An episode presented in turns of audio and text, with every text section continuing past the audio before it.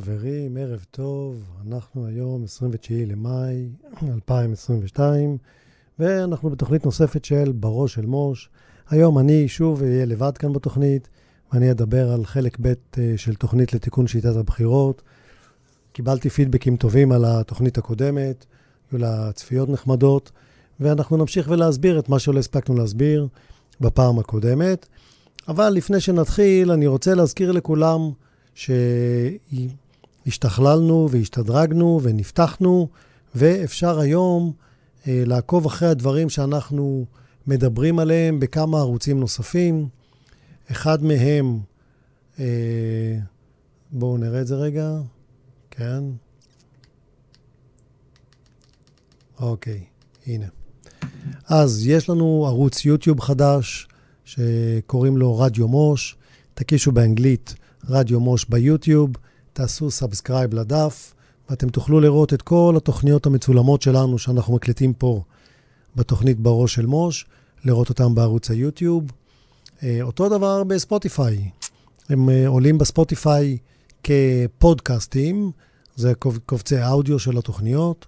אם אתם נמצאים בדרך באיזושהי אה, נסיעה של 35 דקות, 40 דקות, חפשו בספוטיפיי רדיו מוש בעברית, תבחרו את הפרק שמתאים לכם להקשיב, אם זה תוכנית תיקון שיטת הבחירות, אם זה נושאים אה, רציניים שדיברנו עליהם, היחס לערבים עם קידר, התייחסות לאסלאם, אה, פתרונות עם דוקטור מצה, אליטות עם דוקטור דהן, היו פה סדרת אה, נושאים מעניינים ומעמיקים, ועוד יהיו כאלה בהמשך.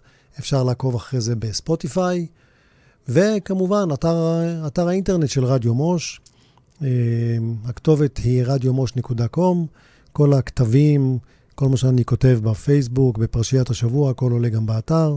מוזמנים לעקוב באיזה, כמובן, בדף הפייסבוק שלי אפשר לראות את הכל, ולמצוא אה, את הפלטפורמה שנוחה לכם בשביל לראות את הדברים ולעקוב אחרי הדברים שאנחנו מעלים כאן בתוכנית. זהו, אז בואו נצא לדרך. היום אנחנו נמשיך לדבר על uh, התיקונים ל, לשיטת הבחירות, ובסוף התוכנית יהיה גם איזשהו מסר, שלדעתי הוא מסר מאוד מאוד חשוב, האם יש לנו סיבה להיות פסימיים או אופטימיים, אבל בשביל להגיע לתשובה לשאלה הזאת, אנחנו נתחיל קודם לדבר, וחשוב שאתם תהיו איתנו, כי מה שאתם הולכים לשמוע פה, אה, יהיה, קשה, יהיה קשה לשמוע במקומות אחרים. אז בואו נזכיר מה דיברנו בתוכנית הקודמת. דיברנו על זה שקודם כל אנחנו מייצרים כלל הכרעה בבחירות, וכלל ההכרעה הוא באופן הזה שאנחנו קובעים אוטומטית שראש המפלגה הגדולה מתמנה לראשות הממשלה. זאת לא הולכת להיות שאלה לבחירה, לא למשא ומתן, לא לסחר וממכר של המפלגות, מי ימליץ, מי לא ימליץ. מי שיקבל את מירב הקולות יתמנה אוטומטית לראשות ממשלה. ילך לנשיא, או שאפשר אפילו לוותר על הטקס אצל הנשיא. הוא יקבל את המינוי לראש הממשלה, וכבר במוצאי הבחירות אנחנו נדע בוודאות מי נבחר להיות ראש הממשלה. וחברים, זה הישג, זה שינוי מרחיק לכת. דיברנו על השינויים שה... שהסעיף הזה יעשה לשיטת הבחירות שלנו. בואו נחזור עליהם בקצרה. קודם כל, תהיה זהות של המנצח. אנחנו נדע בוודאות מי ניצח ומי לא ניצח. אחד יתמנה לראשות הממשלה, וכל שאר האחרים לא. זה דבר משמעותי ביותר. דבר שני, לא, יהיה ביטוי לרצון הרוב, כי ראש מפלגה גדולה בהכרח מבטא את, הרו, את המפלגה שיש לה הכי הרבה תומכים בפרלמנט, בכנסת. וזה כבר נותן ביטוי לעיקרון אחד שהוא מאוד מאוד חשוב, בדמוקרטיה, שהוא שלטון הרוב. אני מזכיר שדמוקרטיה יש לה הרבה, הרבה כללים והרבה הגדרות. שלטון הרוב זה רק אחד מהם, אבל הוא אחד החשובים שבהם. כי אנחנו רוצים שהרוב, שהרוב יקבל ביטוי בתוצאות הבחירות, והעיקרון הזה, ראש מפלגה גדולה, ראש ממשלה, נותן ביטוי לעיקרון הזה. ולכן זה דבר חשוב.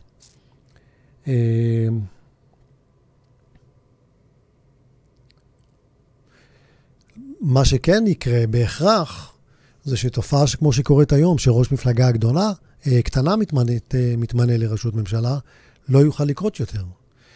פועל יוצא של זה, זה שאנחנו נצטרך באופן אוטומטי לבטל את הסעיף של אה, ראש ממשלה חליפי. היצור כלאיים הזה, שבא לעולם ב-2021, ב-2020, בכינון ממשלת נתניהו-גנץ, צריך להיעלם מהעולם, וטוב היה שבכלל לא היה מגיע לעולם. ואולי נסביר מה זה עושה.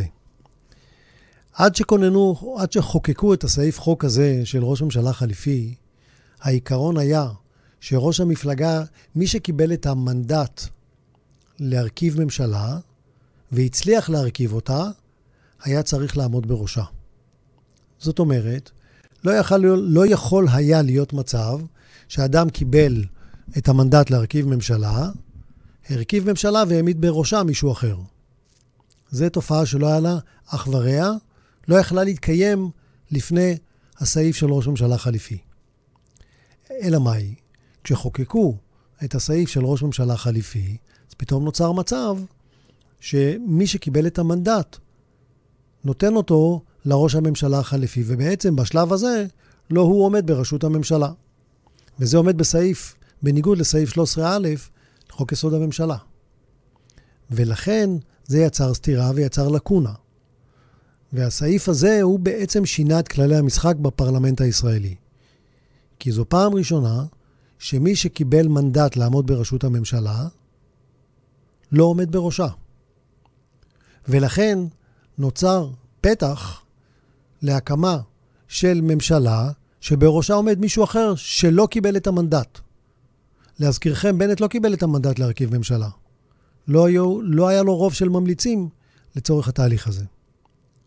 ולכן הוא ממילא לא יכול היה לעמוד בראש הממשלה. הוא הצליח לקבל את התפקיד רק בזכות הסעיף הזה של ראש ממשלה חליפי שפתח את הפתח. ובעצם פה אנחנו נותנים את התשובה למי בנט חייב הכי הרבה תודות לעובדה שהוא קיבל את התפקיד של ראש הממשלה, למרות שהוא רק עם שישה מנדטים? התשובה היא ברורה, לנתניהו ולגנץ. הם שני אלה שהכשירו לו את הדרך לראשות הממשלה. הסעיפים האלה יתבטלו אוטומטית ברגע שאנחנו נחליט שראש המפלגה הגדולה הוא ראש הממשלה, וראש ממשלה חליפי, הסעיף הזה, חברים, הולך הביתה. וטוב שכך.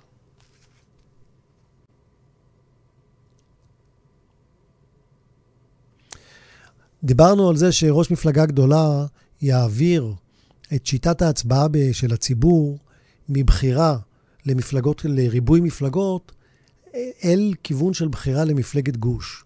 כי כולם ירצו שהגוש שלהם יזכה בראשות, ומפלגה גדולה אומר ראש ממשלה, ולכן ההצבעה תתכנס לטובת גוש.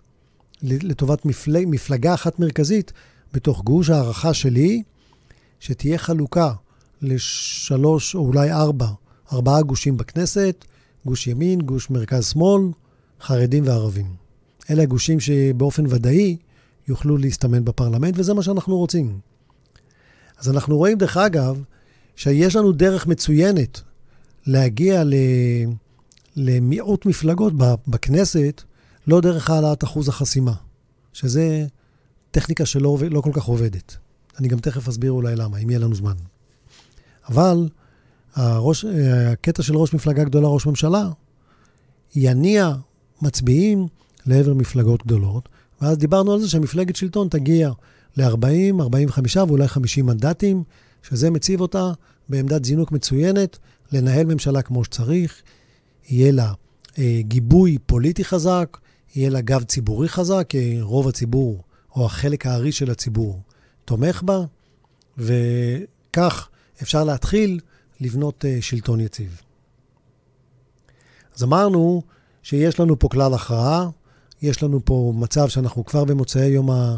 יום הבחירות יודעים מי ניצח, היא תהיה ודאות, הולכים לבחירות, נגמרו הבחירות, יודעים מי ניצח, מי הפסיד. משך הזמן להקים מפל... ממשלה יהיה מאוד מאוד קצר, וככה מתחיל להיראות אה, משטר דמוקרטי רציני, שהולך לבחירות פעם בארבע שנים, ומשם מקים ממשלה.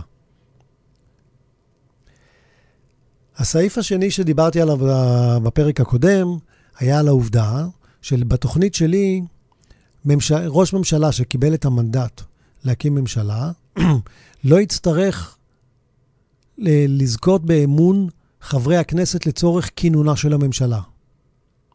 זאת אומרת, הממשלה תיכנס לתוקף מכוח החוק, ולא מכוח אישור הפרלמנט את uh, הקמת הממשלה. הוא לא יהיה תלוי בנציגים בפרלמנט שיהיה לו רוב להשבעת הממשלה, אלא הוא יקבל אותו אוטומטית. מי שנבחר כראש מפלגה גדולה הופך להיות ראש הממשלה בהגדרה.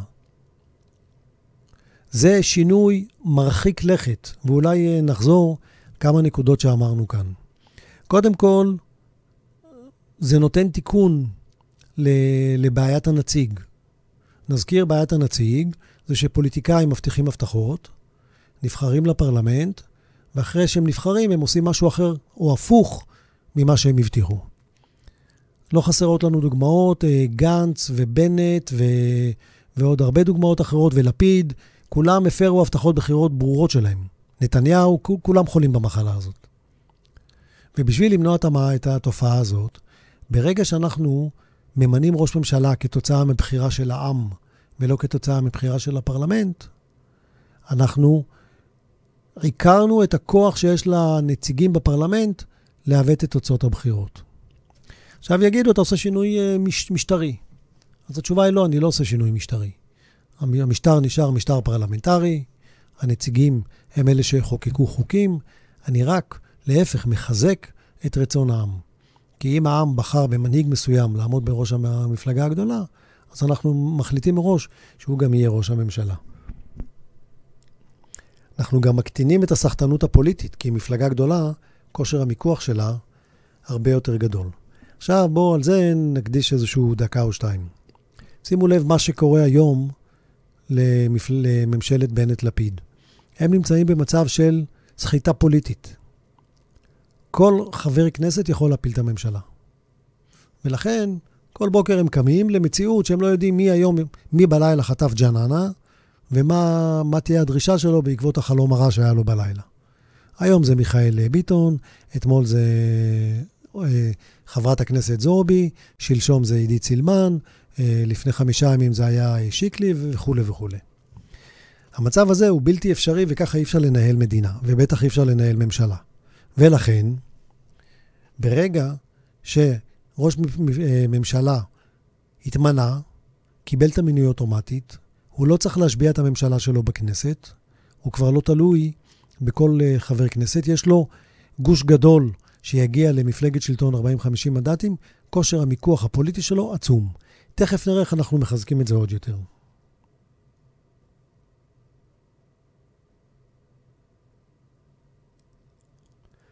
אוקיי, עכשיו יגידו כנגד הטיעון הזה שאין צורך לקבל את רוב חברי הכנסת על מנת לכונן ממשלה, שזה לא דמוקרטי. יגידו, שמע, אנחנו בוחרים את הממשלה שלנו בפרלמנט. עד היום התרגלנו שרק ממשלה שיש לה רוב בפרלמנט היא זאת שיש לה את הלגיטימציה ל- לשלוט. ואם אתה מביא למצב שלממשלה אין רוב בפרלמנט, אז לכאורה אנחנו במצב לא דמוקרטי, שיותר אנשים מתנגדים לממשלה מאשר אנשים שרוצים אותה. אז קודם כל, התשובות לזה, יש כמה תשובות אה, טובות לטיעון הזה. התשובה הראשונה זה שאין ביום, היום בחוק הישראלי, אין, אין סעיף שמחייב ממשלה חדשה לקבל רוב של 61 חברי כנסת. יש רוב, יש סעיף שמחייב את הממשלה לקבל את אישור הכנסת. אישור הכנסת יכול להיות גם 60 נגד 59, כמו שקרה בממשלה, בממשלה הנוכחית. הממשלה הנוכחית לא, לא קיבלה, ביום השבעתה לא היה לה רוב של 61. היה לה רוב של 60 מול 59 ונמנע. זה אומר שגם היום אין דרישה בחוק שיהיה רוב לרוב חברי כנסת בעד הממשלה. אז אם זה המצב, אז למה בכלל לא לוותר על הסעיף הזה? זה דבר ראשון. דבר שני, מי אמר שצריך חוק ב... מי אמר שצריך אה, רוב בפרלמנט? מי אמר שהפרלמנט מייצג את אה, דעת העם? כבר ראינו שהנציגים האלה, הם מייצגים את דעתם שלהם, לא את דעתם שלנו. כי אם גנץ אמר, אני לא יושב עם נתניהו, ועמדו מאחריו מיליון ומאה אלף בוחרים, ובסוף הוא ישב עם נתניהו, אז הוא פעל בניגוד להבטחת הבחירות שלו, אז אפשר להגיד שהוא פעל בניגוד לדעתם של, של מיליון ומאה איש. אז איך אפשר להגיד שהוא מייצג את רצון העם? הפוך, הוא פעל כנגד רצון העם.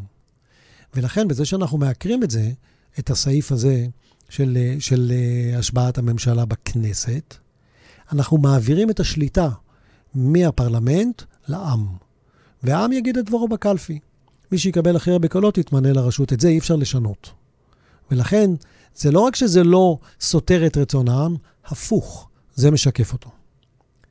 אוקיי. אז עכשיו אנחנו כבר מתקרבים לאיזה שהם שני נדבכים מאוד מרכזיים של התוכנית, שאחד, ראש מפלגה גדולה, ראש ממשלה, שתיים, הוא מתמנה אוטומטית, הוא לא צריך להשביע את הממשלה שלו בכנסת, יש בחירות, הוא מתחיל לעבוד. עכשיו, אנחנו מגיעים, אה, יש כמה סעיפים שדיברנו עליהם שהם מוסכמים, אני אחזור עליהם בקצרה, הגבלת כהונה לשתי קדנציות, כולם מסכימים. אה, הגבלת מספר משרדים לבין, בין 14 ל-16 משרדים, כולם מסכימים. להפך, זה יגביר יעילות של משרדי ממשלה. היום ריבוי משרדים, כל אחד אומר, זה לא אני, זה הוא, רק מגדיל, מגדיל ביורוקרטיה. אם נצמצם ונביא משרד, מספר מצומצם של משרדים, אנחנו נייעל את הפעילות של הממשלה. וחוק נורבגי אמיתי, לא אה, ישראבלוף ישראלי, אלא אמיתי. מה המשמעות?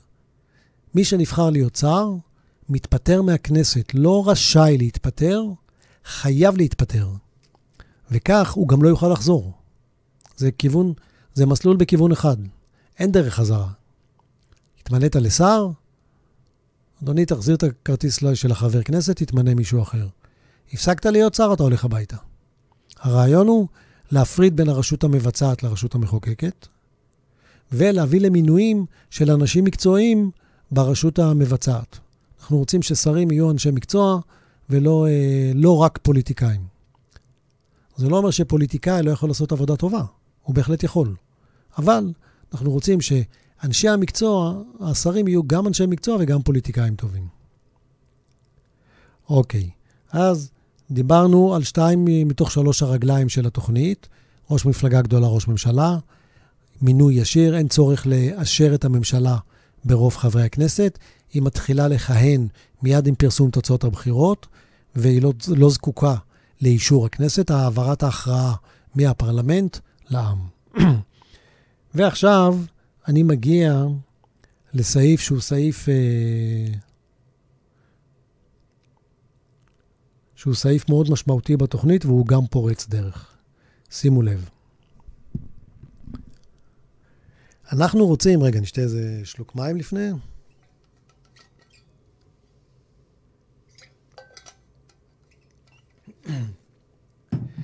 אנחנו רוצים, רוצים יציבות. אנחנו רוצים שממשלה שנבחרה תכהן ארבע שנים. אצלנו זה לא ארבע שנים לממשלה, זה ארבע בחירות לשנה. גם היום אנחנו נמצאים בממשלה שאף אחד לא יודע מה יקרה מחר בבוקר. קראתי אתמול כתבה במעריב, ששרים אומרים לכתבת, אה, לכתבת הפוליטית של מעריב, אנחנו הולכים לישון בלילה ולא יודעים אם נקום שרים או לא. ואנחנו מתחילים יום עבודה, אי אפשר לתכנן תוכניות ארוכות טווח. אנחנו מנסים להספיק כמה שיותר, כי אנחנו לא יודעים כמה זמן אנחנו נשאר בתפקיד. זה ברור שאי אפשר לתכנן תוכניות ארוכות טווח, זה ברור שאי אפשר uh, לבנות תוכנית אסטרטגית ל-25 שנה ול-15 שנה ול-10 שנים ול-5 שנים, זה פשוט לא קורה. כי שר מתחיל, בעוד חודשיים הוא יכול להיות בחוץ. אז אנחנו רוצים ממשלה שתשב ארבע שנים. עכשיו המשחק הוא נורא, זה כמו נדנדה. ככל שאתה רוצה לחזק את הממשלה, אתה צריך אה, להקשות על האופן, אופן הפעלתה. ככל שקל להפיל ממשלה, אז אתה מחליש אותה. היא, לא יודע, היא ממשלה, לא יכולה להחזיק מעמד. ופה אנחנו, העם, הריבון, צריכים להחליט איפה, באיזה סל אנחנו רוצים את הביצים. האם אנחנו רוצים את הביצים בסל של היציבות, או בסל של השליטה בממשלה, שכל בוקר אנחנו נוכל לקום ולהפיל את הממשלה. אם אתם שואלים אותי, הולכים לבחירות פעם בארבע שנים. והרציונל הוא שהממשלה תישאר ארבע שנים. ולכן ברור שאנחנו רוצים את הביצים בסל של היציבות. ולא רוצים שכל בוקר ממשלה תוכל ליפול. יש לזה גם סייד אפקטס מאוד מאוד משמעותיים. כי תראו מה קורה היום. בגלל שהפוליטיקאים יודעים שזה בהישג יד להפיל את הממשלה, הם נכנסים לטירוף. הכל מותר. כי מחר בבוקר הם צריכים עוד אחד בשביל להפיל את הממשלה, הולכים לבחירות, ואז עוד יש סיכוי שהם אלה שישבו בממשלה, וזה משגע אותם. אם הם היו יודעים שהלכנו לבחירות ארבע שנים עכשיו, הם צריכים לשבת בשקט, המערכת הייתה נכנסת לרגיעה. וזה נכון, דרך אגב, לכל מערכת, זה כמו עם ילדים. ילדים, כשיש להם גבול, והם יודעים שכן זה כן ולא זה לא, ואם הלא זה עכשיו יהיה ארבע שנים, אז הם יחכו בסבלנות. ולכן זה חובה שלנו לייצב את המערכת בכזו צורה, שבחירות תהיינה אחת לארבע שנים. איך אנחנו עושים את זה? היום, בשביל להפיל ממשלה, יש, שימו לב, יש שתי דרכים, שלוש. או שראש ממשלה מתפטר, לוחץ על כיסא המפלט, מכריז על פיזור הפרלמנט, או שיש הצבעת אי אמון בממשלה והם מצליחים להביא, אה, יש אי אמון ב, שהכנסת מחליטה על פיזורה, ולצורך זה צריך 61 מנדטים, או שאחד מחברי הכנסת מצליח להקים ממשלה חליפית עם 61 חברי כנסת. ואז הממשלה נופלת, מתמנה ממשלה חליפית. נחזור. ראש ממשלה לוחץ על כיסא מפלט, כנסת מחליטה על פיזורה, אחד מחברי הכנסת מביא ממשלה חליפית ברוב של 61. אלה שלושת המצבים היום להפיל ממשלה. המצב הרביעי זה שאם ממשלה לא העבירה תקציב, אז רואים אותה כאילו כ... רואים אותה, רואים אותה כממשלה שהתפטרה, ורואים את הכנסת כמי שהכריזה על, התפז... על פיזורה, שזה די דומה לסעיף 2. עכשיו, פה בסעיף הזה חייבים להתערב. יש פה כמה נקודות. ראש ממשלה רוצה לפזר את הכנסת, למה? למה לתת לראש ממשלה כוח כזה גדול? אם אתה ראש ממשלה כושל, ואתה לא מצליח לנהל את המדינה, ואתה לא מצליח לקיים קואליציה ולמשול במדינה, תודה רבה לך. תתפטר, תפנה את הכיסא שלך, ומישהו אחר מתוך הכנסת הנוכחית יקים ממשלה. הרי אנחנו בין כה וכה הולכים לבחירות חול, הולכים לבחירות, חוזרים, רואים את אותם פרצופים. תשימו לב כמה פרצופים חוזרים על עצמם בבחירות שלנו כל פעם. 80-90 אחוז מהחברי הכנסת האלה כבר היו פה כבר בשש-שבע כנסות האחרונות. אז בשביל מה אנחנו צריכים ללכת עוד פעם לבחירות? הליך מיותר, עולה כסף, משתק את המשק לשנה שלמה. הליך שאין בו שום תועלת. אז מה שאני אומר, סעיף הראשון, אם ראש ממשלה החליט להתפטר, צריך לעקר ממנו את הזכות לפזר את הכנסת. אתה התפטרת? איך אומרים? סלמת. תגיד יפה תודה, שלום, צא מהמשחק, אתה כבר לא יכול להקים ממשלה. יש כנסת, יש לנו 120 חברי כנסת, מישהו אחר יקים ממשלה, וימשיך לשלוט עד תום ארבע שנים האלה מיום הבחירות האחרונות. למה? כי אנחנו רוצים לקבע יציבות ולקבע ודאות. בחירות כל ארבע שנים. ולכן, אם נשאר עוד שנתיים לתום קדנציה של הכנסת, אז ראש ממשלה שנבחר אחרי זה שהתפטר, ימשיך לשנתיים הנותרות. לא צריך ללכת לבחירות. הנה, כבר הקטנו את כוחו של ראש ממשלה. עכשיו, לגבי פיזור של כנסת. היום מפזרים כנסת ברוב של 61. ואני שואל למה. אם היום נניח בסיטואציה הנוכחית, נתניהו משיג עוד קול אחד או שני קולות, הוא מפיל, מפזר את הכנסת והולכים לבחירות. ומה יקרה בבחירות האחרונות? מה שקרה בבחירות 4, ומה שקרה בבחירות 3, מה שקרה בבחירות 2, מה שקרה בבחירות 1. לא יצליחו להקים ממשלה. אז מה הועילו חכמים בתקנתם? ללכת עוד פעם לסבב של בחירות שלא מביא שום דבר? מיותר לחלוטין.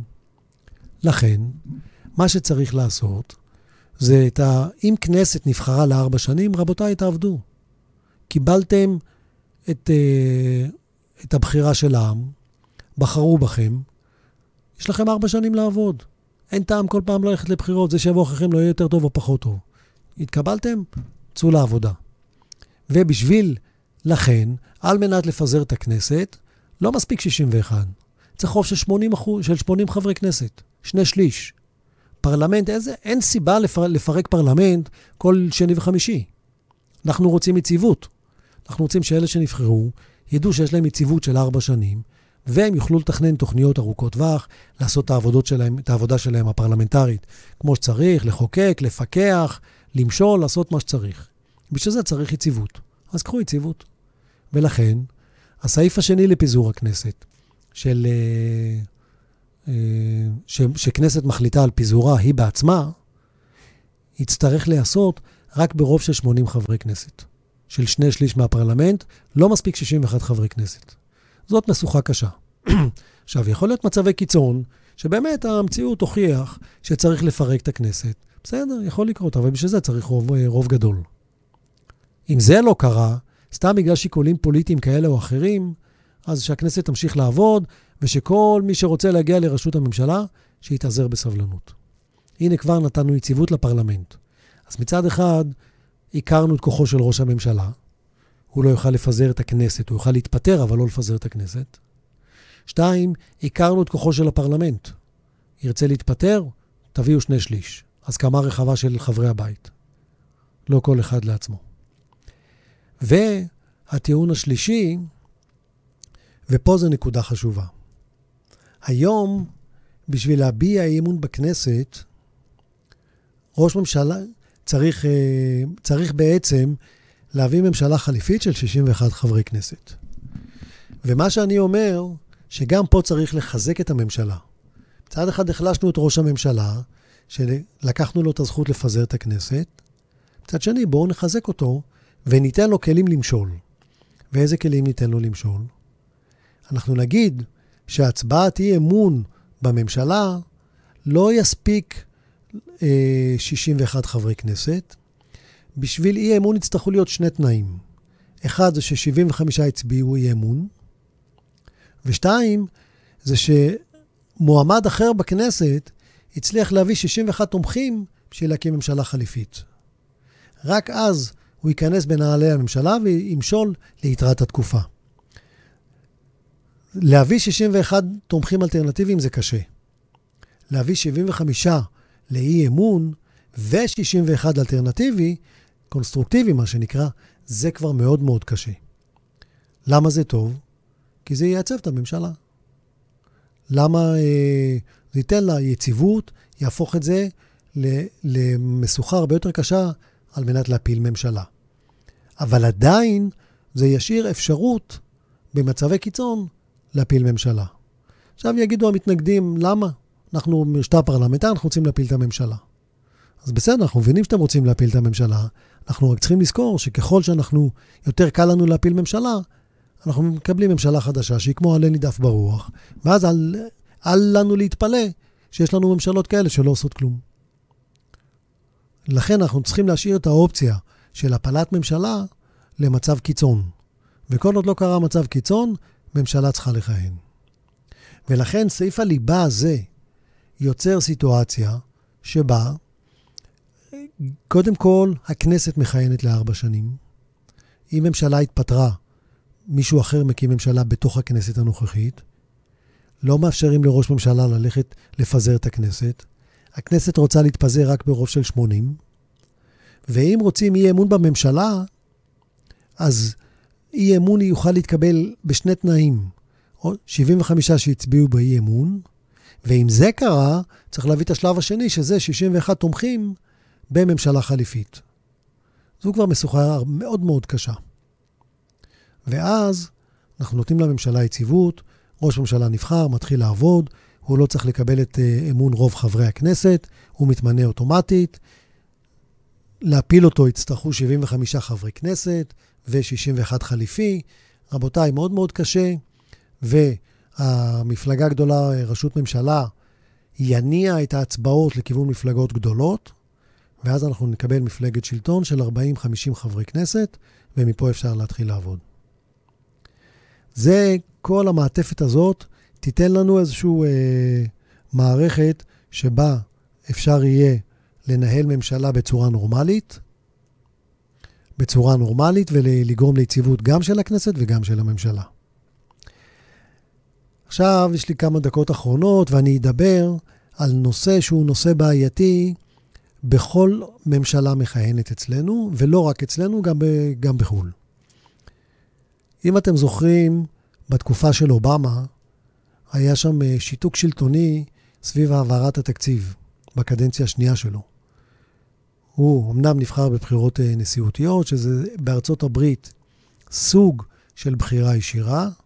זה לא לגמרי כמו בספ... בצרפת, אבל זה כן הולך לכיוון של אה, בחירה ישירה. אבל עדיין יש שם את הסנאט, ששם זה תלוי במאזן הכוחות בין הדמוקרטים והרפובליקנים. היה שם מצב של תיקו, הוא לא הצליח להעביר תקציב. היה שם שביתה בממשל בוושינגטון במשך שלושה חודשים, עד שהם הצליחו להגיע לפשרה ולהעביר תקציב. תקציב הוא נושא בעייתי בכל ממשלה. לא רק אצלנו, גם בארצות הברית, אבל אצלנו בייחוד. אני רוצה להשמיע לכם קטע של אה, ישראל כץ. הקלטתי אותו, לדעתי, לפני בחירות אה, מרץ 21. הוא מדבר על העברת התקציב. בואו נשמע את הקטע ואז אני אסביר אותו.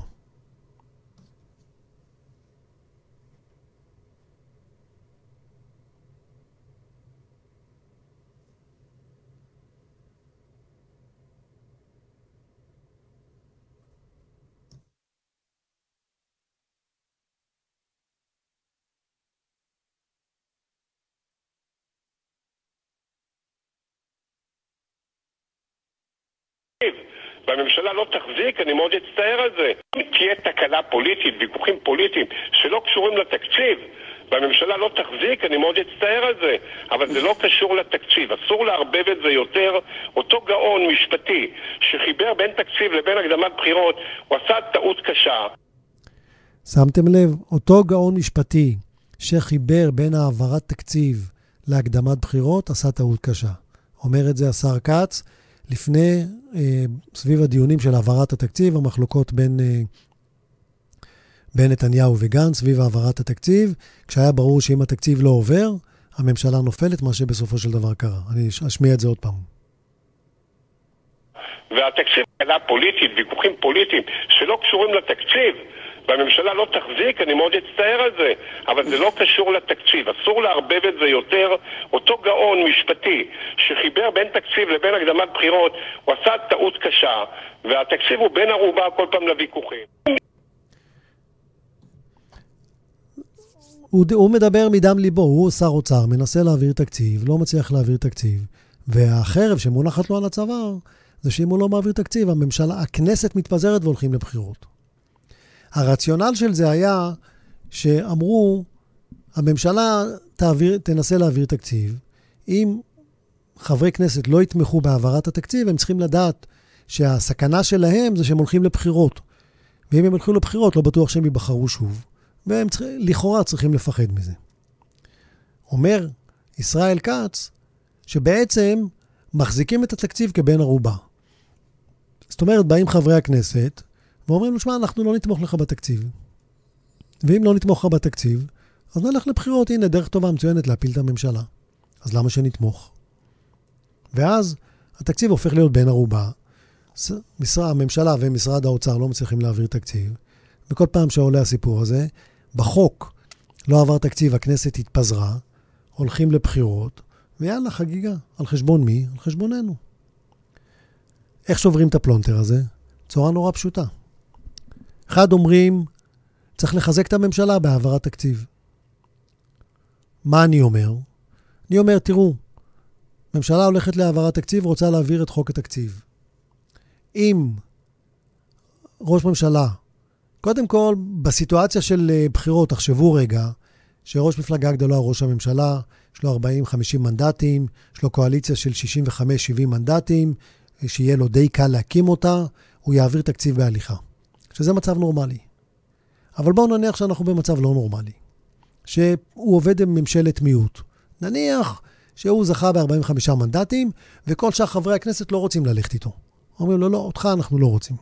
והוא מוצא את עצמו בראש מפלגה גדולה, כ-45 מנדטים, 50 מנדטים, אין לו רוב של להעביר תקציב, אבל עדיין הוא ראש המפלגה הגדולה והוא ראש הממשלה. שזה, דרך אגב, מצב קיצון. יכול להיות אבל שהוא יכול לקרות, אבל, וכשאתה בונה תוכנית, אתה חייב להביא גם בחשבון מצבי קיצון. מה אני אומר? אני אומר, ראש ממשלה שרוצה להעביר תקציב, יכול להכריז על הצבעת התקציב כהצבעת אי אמון. אם יש לו רוב של מעל 60, הוא לא צריך. אבל אם אין לו רוב של מעל 60, הוא הכריז על הצבעת התקציב כהצבעת אמון, בשביל להפיל את התקציב, כמה אמרנו צריך? 75 חברי כנסת. זאת אומרת, אנחנו מורידים לו את הרף בשביל להעביר תקציב לא ל-75, לא ל-61, מורידים לו את הרף ל-46. כי אם יש 75 מתנגדים, זה כבר לא מספיק. הם צריכים, הם יצטרכו 75 ומעלה נגד התקציב, הוא צריך 46 להעביר תקציב, כי זה הצבעת אמון. ואם יש לו 46 להעביר תקציב, הנה עבר תקציב. ורבותיי, זה משחרר את נקודת השבר הכי גדולה שיש להרבה משטרים פרלמנטריים, ובייחוד למשטר הישראלי. זאת נקודה פורצת דרך שהיום אף אחד לא חשב עליה. ואני הבאתי אותה לתוך התוכנית הזאת, ואני חייב להגיד שהיא בהחלט אה, לא נשמעה עד היום. אז אם אנחנו לוקחים שלושה נדבכים מרכזיים, ראש מפלגה גדולה הוא ראש ממשלה, אה, לא מפזרים את הכנסת. אה, מה אמרנו? עוד ראש מפלגה גדולה הוא ראש ממשלה, אה, אי אמון 75 חברי כנסת ו-61 בשביל להקים ממשלה אלטרנטיבית, לא הולכים לבחירות, כנסת צריכה להתפזר ב-80 חברי כנסת, ואפשר להעביר תקציב כהצבעת אמון, קרי, מספיק 46 חברי כנסת בשביל להעביר תקציב. הנה קיבלנו יציבות גם לממשלה וגם לכנסת, ואז הסיכוי שכנסת כזו תשרוד ארבע שנים הוא, הוא גדול ביותר, שואף למאה. ואז קיבלנו מערכת יציבה. וכשהמערכת יציבה ומי שזכה בבחירות זכה בדרך המלך, אז מפה אפשר להתחיל לעבוד ואפשר לייצר שלטון יציב. ושלטון יציב זה ערובה להצלחה בכל תחומי החיים. אז חברים, אנחנו כאן צריכים לסיים. אני מקווה שנתתי פה הסבר uh, מקיף לחלק ב' של התוכנית לתיקון שיטת הבחירות. אני מזכיר לכם שכולכם, שאפשר יהיה לצפות מזה גם בדף הפייסבוק שלי, גם ב... גם כמו שאתם רואים כאן, בערוץ היוטיוב רדיו מוש, גם בספוטיפיי רדיו מוש, גם באתר האינטרנט שלנו. וחברים, שיהיה לכולנו המשך שבוע טוב, ונתראה, שבוע הבא זה שבועות, אנחנו לא נשדר. ניפגש כאן בעוד שבועיים, יום ראשון, בראש של מוש. שיהיה לכולם שבוע טוב. הרדיו החברתי הראשון, הכוח חוזר לאנשים.